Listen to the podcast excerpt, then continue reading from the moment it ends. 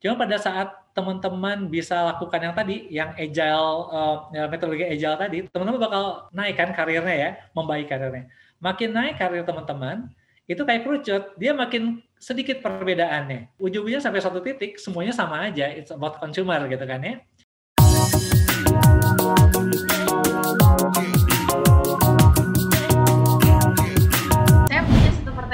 Nih Pak, kalau disuruh milih ya Pak, ini misal yeah. anggap saja sobat FBM nih yang dengar kita nih fresh graduate yang baru mau mulai karirnya Pak. Okay. Nah, enaknya gimana nih Pak kalau misal kita entering a career gitu kan? Yeah. Apa kita harus go general gitu? Misalnya kayak tadi kan kita belajar segala, segala sesuatunya macam-macam kayak HR, operation, marketing, dan finance dulu dan yeah. willing to ditempatin di mana pun it's okay gitu. Atau memang kita harus terspesialisasi sih Pak? Kayak misal operation kayak kita harus fokus dulu gitu. Nah, setelah naik jabatan jenjang karir baru kita mulai belajar hal yang lain atau tadi pak kayak langsung kita belajar secara general terus ditempatin di mana aja oke okay, gitu pak Oh, Oke, okay.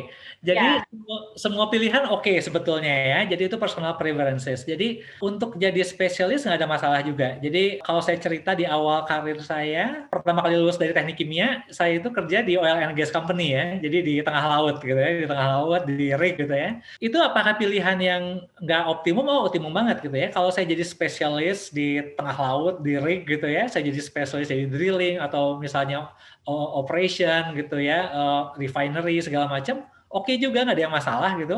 Kompensasi bagus, karir bagus, segala macam ada masalah. Saya bisa pilih jalur menjadi spesialis. Cuman ada juga orang-orang yang lebih condong emang ke jalur generalis. Apa bedanya? Kalau jadi spesialis emang, jadi kan orang punya karakter masing-masing ya. Jadi ada nature, ada nurture gitu ya. Jadi ada orang yang nature-nya emang saya kepengen mendalami satu bidang dan saya kepengen detail di sana gitu ya. Terus selama dia di nurture, di keluarganya, di lingkungannya juga dia diajarkan bahwa oh, oh ini menarik sekali, kamu bisa go deep ke sini banyak sekali. It's okay, nggak ada masalah, itu bagus juga. Cuma ada orang yang emang nature-nya dari lahir tuh emang gayanya tuh dia emang suka managing gitu ya. Dia kepengen ngelihat the big picture, more to the big picture gitu ya. Dia lebih suka mengkolaborasikan tim-tim gitu ya. Nah untuk orang-orang ini emang dia sangat cocok andai kata dia pilih jalur generalis. Di perusahaan dua jalur itu nggak ada masalah, sama aja gitu ya. Itu compensation yang lain. Yang harus kalian perhatikan adalah nature dan nurture-nya kalian. Itu yang pertama gitu ya. Jadi panggilan jiwa saya apa gitu. Saya mau jadi spesialis atau mau jadi generalis. Itu yang pertama. Cuman apa pun pilihannya harus ditekankan ke kepala kita semua nih, ke teman-teman semua, bahwa apa pun pilihan saya hanya satu tujuannya. Saya harus bisa generate, saya harus bisa solving problem orang. Itu aja. Semakin banyak problem yang bisa teman-teman selesaikan, mau di industri, mau di organisasi segala macam, bayaran buat teman-teman, karir teman-teman bakal cepat naiknya. Itu yang pertama. Yang kedua, semakin rumit. Semakin rumit problem yang teman-teman bisa selesaikan, kompensasi, karir itu bakal cepat naiknya. Kalau teman-teman bisa gabungkan dua, jadi udah problemnya banyak, super kompleks. Wah, itu rising star itu gitu ya. Jadi M-nya adalah saya masuk perusahaan, saya masuk organisasi, saya masuk apa pun, saya mau bikin usaha sendiri, saya mau nanam saham, saya mau apa pun, intinya adalah kita harus punya M, saya harus solving problem orang. Itu aja intinya. Nah, seperti yang saya pada saat saya pergi ke tengah uh, laut itu, apakah saya berpikir salah? Oh enggak juga. Cuma saya pikir kok saya tertarik pada generalis ya. Karena apa? Karena yang tadi sebetulnya karena pola pikir saya waktu itu saya udah waktu itu saya belum belum muslim saya udah ngerti kalau misalnya di ke depannya nih industri oil and gas udah ya, katakanlah uh, sunset gitu ya kalau saya jadi spesialis pada saat itu pikiran saya akan bahaya buat saya gitu karena pilihan saya jadi terbatas jadi saya berpikir kalau saya masuk ke generalis kayaknya bakal lebih enak karena choice saya lebih banyak saya bisa masuk lebih banyak industries jadi untuk teman-teman sekarang yang tadi yang agile itu seperti itu gitu pola pikirnya kalau teman-teman decide untuk jadi spesialis, buat teman-teman harus lihat horizon ke depannya. Seperti apa nih karir di bidang ini? Dan teman-teman harus yang tadi, kalau teman-teman tetap jadi spesialis, jangan pernah lose sight terhadap the big picture-nya. Sehingga andai kata misalnya terjadi apa-apa dengan karir yang dipilih, karena teman-teman paham the big picture-nya, ada dua ya keuntungannya. Kalau orang yang jadi spesialis cuman paham the big picture-nya, semua decision yang dia ambil adalah decision yang jauh lebih bermutu dibandingkan orang spesialis yang mata kuda gitu ya, yang pakai kacamata kuda gitu ya. Karena decision yang dia ambil dia cuma uh, one way thinking gitu. Cuma kalau dia bisa kuasain semua, decision yang dia ambil mungkin sama dengan temennya, cuman dia angle-nya lebih menyeluruh. Kalau jadi generalis, ingat jangan pernah lose sight ke spesial ilmu yang kalian miliki gitu. Jadi ada orang yang masuk generalis sebenarnya cuma pelarian gara-gara dia nggak kuat di hal-hal detailsnya. Nggak bisa gitu. Karena ingat lagi, the devil is on the details gitu. Jadi kalau kalian, uh, ah saya mau langsung aja jadi manajer supaya kalau teman-teman nggak punya fondasi yang kuat, nggak akan nggak akan bisa gitu. Jadi kebayang di level manajerial itu kalian harus bisa generating, uh, aku nyebutnya bubble gitu ya. Jadi bubble, jadi saat di, jadi manajer, tugasnya itu cuma satu. Tugas kalian adalah creating bubble sehingga orang-orang spesialis, orang-orang yang super spesialis dalam tim kalian nih profesional-profesional bisa kerja dengan nyaman karena spesialis butuh kepastian, dia butuh lingkungan yang udah di sterilize, di sanitize. Kalian harus bisa nampung tuh semua masukan dari luar yang bisa ke kanan, bisa ke kiri, keputusan apa, keputusan B, harus bisa ditampung di kalian. Kalian creating bubble dan ceritakan ke tim bahwa aim kita ini satu gitu jadi sehingga orang generalis tadi, eh orang spesialis tadi bisa konsentrasi ke pekerjaannya. Kalau kalian jadi manajer dan membiarkan hal-hal dari luar yang yang ambiguity itu tembus sampai ke tim kalian, kalian manajer yang jelek gitu. Kalian itu justru nahan ambiguity di tempat kalian sendiri, kalian pikirkan apa ini sense-nya apa, dan informasikan sesuatu yang ajak ke tim gitu. Sehingga tim spesialis ini bisa ngerjain tugasnya nyaman. Jadi kayak kayak tadi ya, jadi pilihannya dua-duanya oke. Okay. Mau jadi spesialis, mau jadi generalis is okay. Kalau uh, teman-teman itu nanti makin naik karirnya, dia makin uh, konvergen, makin bisa melihat semuanya interaksinya. Tapi yang ingat, jadi spesialis, jangan pernah melupakan the big picture. Jadi generalis, jangan menjadikan tempat pelarian gara-gara kalian nggak jago di hal-hal yang super technical gitu ya. Nah itu pesannya ini keren banget sih ini dapat banget sih ini ilmunya nih pak jadi sebenarnya kalau aku boleh wrap up ya intinya itu intinya anchoring tadi ya pak kita harus punya tujuan dulu dan problem solving yang paling penting hmm, hmm. either kita jadi generalis either kita jadi spesialis harus ada problem yang emang mau kita solve gitu jangan jadi uh, buat general jangan jadi pelarian dan spesialis jangan jadi ya udah terkungkung di situ aja gitu tapi Betul. big picture ini penting banget buat both side ya pak ya betul ya oke okay. semakin menarik nih pak bahasannya nah tadi kan kita udah bahas-bahas tentang uh, agile methodology ini ya pak di sebuah ya. organisasi gimana kita bisa menerapkan yaitu kita harus bisa problem solving tadi gitu nah sebagai pemimpin yang menerapkan agile metodologi nih Pak, gaya kepemimpinannya Pak Edmond tuh seperti apa sih Pak kalau di lapangan? Uh, sebetulnya simpel juga, sebetulnya jaga keseimbangan antara anarki dengan hierarki gitu ya. jadi jaga keseimbangan antara dua itu. Jadi apa ceritanya gini ya? Jadi sebetulnya kalau di kondisi yang kayak sekarang ya, yang ambigu banget. Jadi kayak kita sekarang kita nggak ngerti ya, lima tahun ke depan kayak apa bentuknya Indonesia gitu ya. Teknologi mobil listrik mungkin nanti nggak ngerti mungkin nanti uh, minyak udah nggak kepake gitu ya. Mungkin mobil udah orang nggak beli orang sewa aja. Pokoknya udah nggak ngerti ya betulnya jangan-jangan udah nanti udah ada CRISPR udah udah jadi sehingga nanti pengobatan itu mainnya udah main level genetika gitu ya atau even lebih jauh lagi pada saat ibu-ibu melahirkan anak-anak dia udah minta anaknya nggak boleh nggak mau ada gen gendut nggak mau ada gen penyakit jantung nggak mau ada gen diabetes bisa dimodifikasi dari awal gitu ya jadi sangat ambigu kondisi yang kondisi yang di luar ya. Pada saat kondisi ini, leader orang yang mimpin itu dia harus bisa manage uh, organisasi balancing antara hierarki dan anarki gitu ya. Jadi hierarki itu apa? Hierarki itu adalah satu aktivitas di mana masih ada orang yang memberikan arahan. Im besar kita bakal ke sana. Cuman kita juga harus bisa accommodate anarki. Anarki itu bukan anarki yang bakar-bakar ya. Anarki itu kan uh, kata dasarnya kan dari anarchy gitu ya. Jadi archy itu adalah ada cantelannya, linknya gitu ya. Anarchy itu artinya nggak ke arts gitu. Jadi semua orang bebas berpikir, lepas aja berpikir mau kayak apa, nggak ada yang mimpin, semuanya bareng-bareng. Biasanya itu kalau di software development gitu ya, kayak di Google, Linux sudah terjadi ya teknik yang anarchy tadi gitu ya. Nah jadi kita bisa balance yang kayak tadi. Apa yang terjadi adalah kita hanya bisa memberikan guidelines ke tim in general. Secara besar perusahaan mau ke mana arahnya. Jadi ini adalah koridor yang bakal kita pakai untuk tahun 2021. Tapi detailsnya kita serahkan fully ke tim. Biarkan mereka mengeksekusi dengan gayanya mereka. Jadi mereka punya analisis sendiri, mereka udah mendalami, mereka kan spesialis yang ngerti luar dalam tentang apa yang mereka eksekusi gitu kan ya. Nah, biarkan mereka mengeksekusi sesuai dengan pola pikir mereka, sistem analisis mereka, sistem sintesis mereka. Nah, tapi apa kuncinya di sini? Kuncinya adalah yang harus ditanamkan di perusahaan adalah satu sistem, satu culture, satu vocabulary yang sama ke tim gitu ya. Jadi katakan misalnya Oke okay, tim, pokoknya uh, kita itu uh, culture kita adalah seperti apa? Vocabulary kita pada saat mau solving problem atau creating innovation seperti apa vocabulary-nya? Jadi kita harus ada katakanlah misalnya harus ada certain analysis, kita harus melakukan statistical process control yang seperti ini. Uh, pada saat teknik problem solving step-stepnya seperti ini. Kita kenalkan ke mereka semua tools-nya gitu ya. Culture-nya seperti ini ya. Jadi nggak boleh saling menyalahkan. Kalau misalnya ada ideas dan ideas itu salah, itu something to learn, itu bukan failure gitu ya. Ya, jadi tools yang dikasih, culture yang dikasih, vocabulary-nya dapat.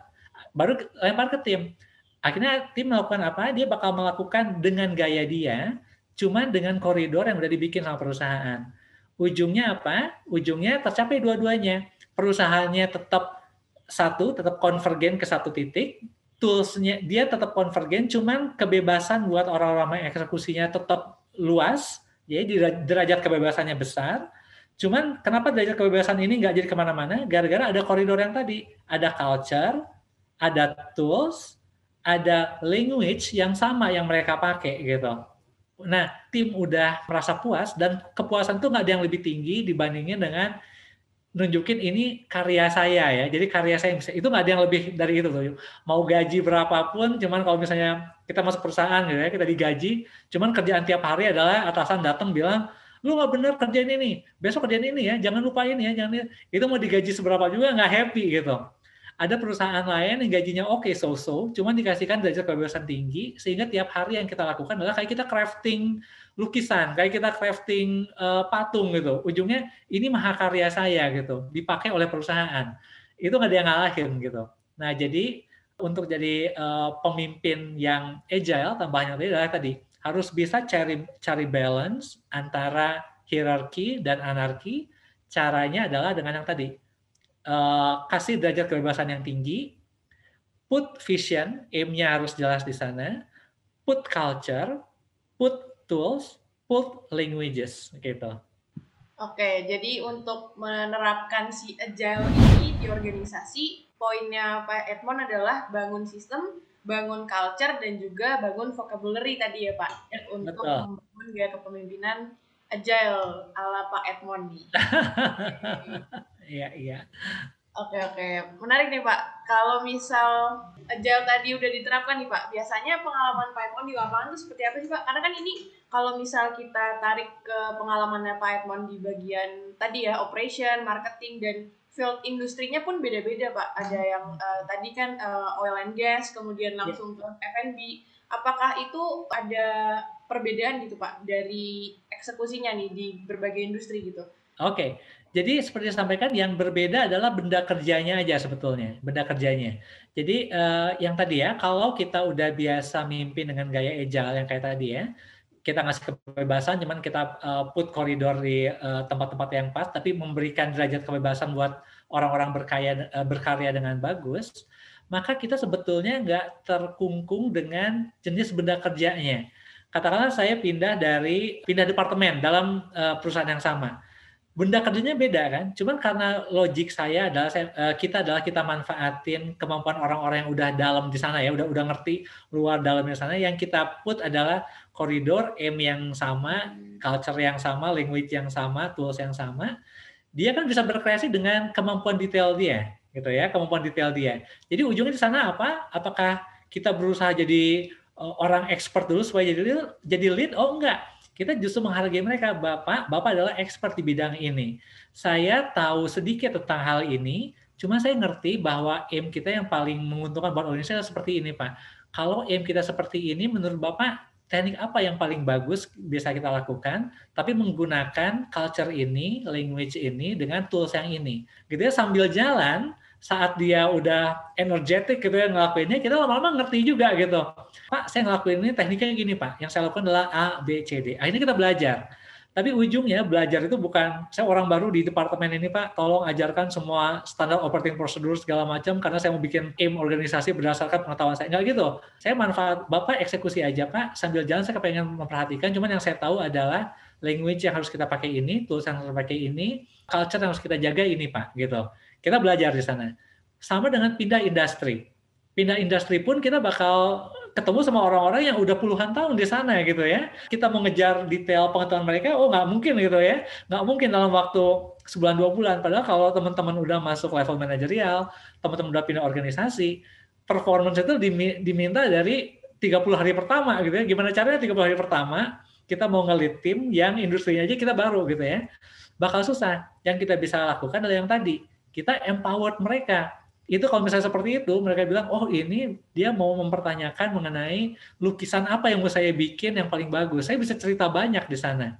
Sehingga kalau teman-teman udah terbiasa seperti itu proses pindah departemen proses pindah industri jadi menyenangkan justru. Sama kayak kayak belajar kayak sekolah lagi pindah-pindahnya gitu. Karena apa? Karena begitu pindah departemen pindah industri teman-teman di welcome karena pada saat datang saya bukan orang yang datang mau ngacak-ngacak dan sok tahu departemen atau industrinya. Saya datang, saya justru ingin belajar, cuma saya bisa menunjukkan, saya bisa bikin bubble buat ibu dan bapak bahwa M kita ini, ibu dan bapak nggak perlu pikirin yang lain-lain, M kita ini udah apa pun yang terjadi dengan ini saya yang take responsibility gitu ya. Jadi ujungnya begitu pindah departemen, kita punya puluhan guru yang udah di industri itu, yang udah di departemen itu puluhan tahun. Jadi ujungnya kayak ada puluhan guru yang mau ngajar satu murid gitu. Gitu ya berbeda dengan gaya zaman dulu gitu ya. Pindah departemen sebelum pindah departemen kasih waktu saya sebulan pak. Belajarin semua bukunya gitu ya. Habis itu udah belajarin bukunya masuk ke departemen itu sok tahu gitu ya. Saya melihat nih apa kekurangan departemen ini? Saya harus ngelakuin ini. Kita harus kita nah kita nggak bakal nggak enjoyable banget gitu. Betul betul pak. Emang harus balance ya pak tadi dengan mungkin kita generate knowledge yang baru tapi juga kita harus willing to apa ya bisa belajar dari lingkungan sekitar juga ya Pak berarti. Oh iya iya iya, betul betul betul. Betul. Jadi kebanyakan juga kadang milenial sih Pak kan uh, suka ngajarin ya Pak. Jadi ini penting banget nih untuk di acknowledge uh, sobat SBM juga ya kalau lagi uh, kalau lagi entering the karir gitu kan. Jadi jangan uh, buru-buru nih defining the problem, tapi beneran harus tahu situasinya dulu ya Pak ya. Betul, betul. Oke, okay, oke. Okay. Nah, setelah kita ngobrol-ngobrol tadi nih Pak, jadi kalau misal boleh aku konklusiin dan mungkin bisa divalidasi ya sama Pak Edmond, being agile itu apakah konsep Pak yang harus kita perhatikan dan juga kita harus punya kemampuan untuk connecting the dots tadi Pak setelah kita Oh iya, iya iya. Jadi sebetulnya yang tadi ya, jadi jangan khawatir, jangan worry dengan keharusan untuk memahami industri, the whole industry secara utuh gitu ya. Nah jadi saya ngerti kekhawatiran teman-teman, saya nggak ngerti industri yang ngerti industrinya itu sebetulnya hanya karena teman-teman belum go deep. Once go deep ke bawah, semuanya jadi jelas gitu. Everything is the same sebetulnya. Building blocknya sama gitu ya. Sama kalau ya teman-teman ngelihat Lego gitu ya. Kalau ngelihat Lego yang udah dipajang gitu ya, kelihatan, aduh ini gimana cara bikin ya, merumit sekali. Cuma kalau kita gimana cara bikin item-item, kalau kita kita pecahin jadi kecil level elementer, itu semuanya it's all the same block sebetulnya gitu ya. The same block, cuman ya tadi teknik nyusunnya berbeda. Kalau pertanyaan apakah benar harus pahamin? Iya, harus pahamin. Tapi kalau pertanyaannya apakah kami punya kemampuan untuk memahami industri yang begitu banyak berbeda, belum lagi nanti pada saat kami lulus ke depan industrinya mungkin udah totally different gitu ya, udah udah totally different. Apakah kami punya luxury untuk memahami itu? Oh bisa banget. Kalau teman-teman go deep, go elementer, go fundamental. It's all the same kok. Yang mereka modifikasi itu cuma dari yang tadi sebelumnya teknik advertising seperti ini, sekarang teknik advertising seperti itu. Dulu managing resources seperti ini, sekarang seperti itu. Dulu HR di manage dengan cara ini, sekarang dengan cara itu. Cuman logik berpikirnya sama sebetulnya. Yang paling aku suka adalah gini, pada saat aku lagi kuliah, waktu itu pelajaran uh, eh, HR ya, pelajaran HR mengenai memberikan motivasi gitu ya, terus organizational behavior gitu ya. Waktu itu aku bilang rumit banget ini gede banget cakupannya gitu ya. Saya baca buku ini beda, baca buku ini beda, baca buku yang lebih baru ada lagi konsep yang sama. Di mana saya dapat pencerahan bahwa semua ini is it is the same saat saya pergi ke Unpad Psikologi.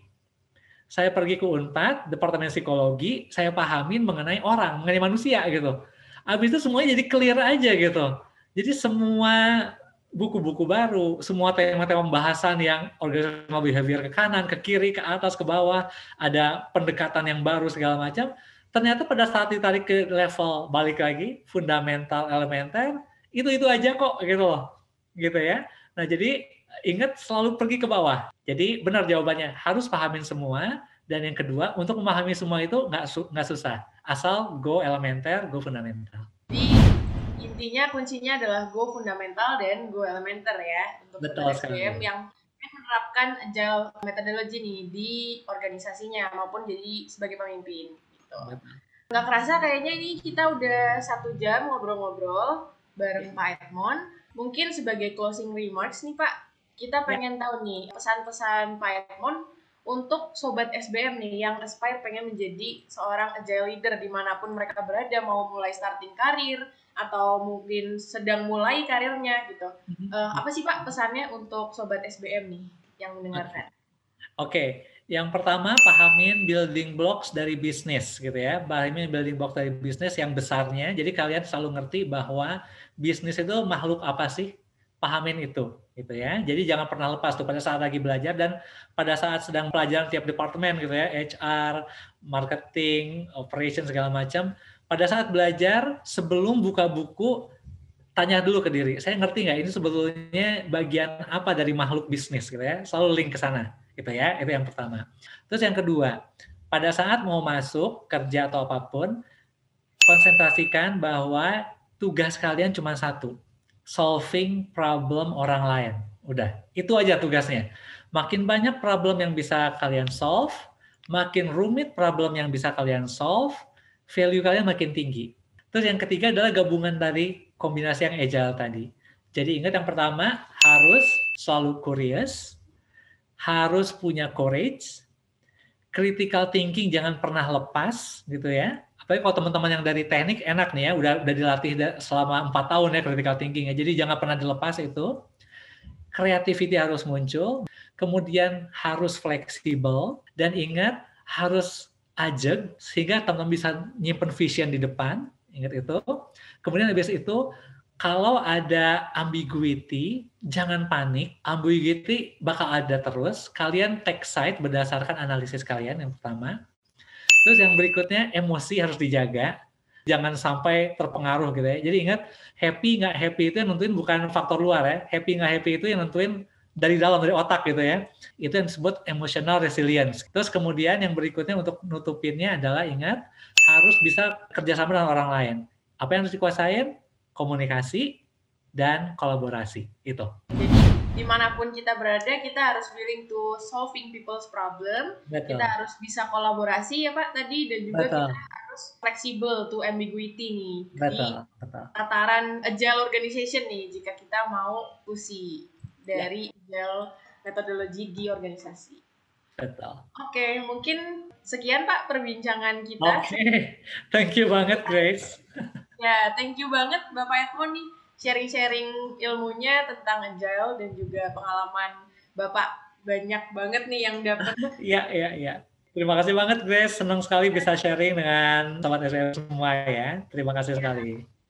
Nah, itu dia tadi perbincangan kita bareng Bapak Edmond Cheryl. Dan dari situ, satu poin yang paling penting untuk Sobat SBM, pahami nih mengenai menjadi agile leader.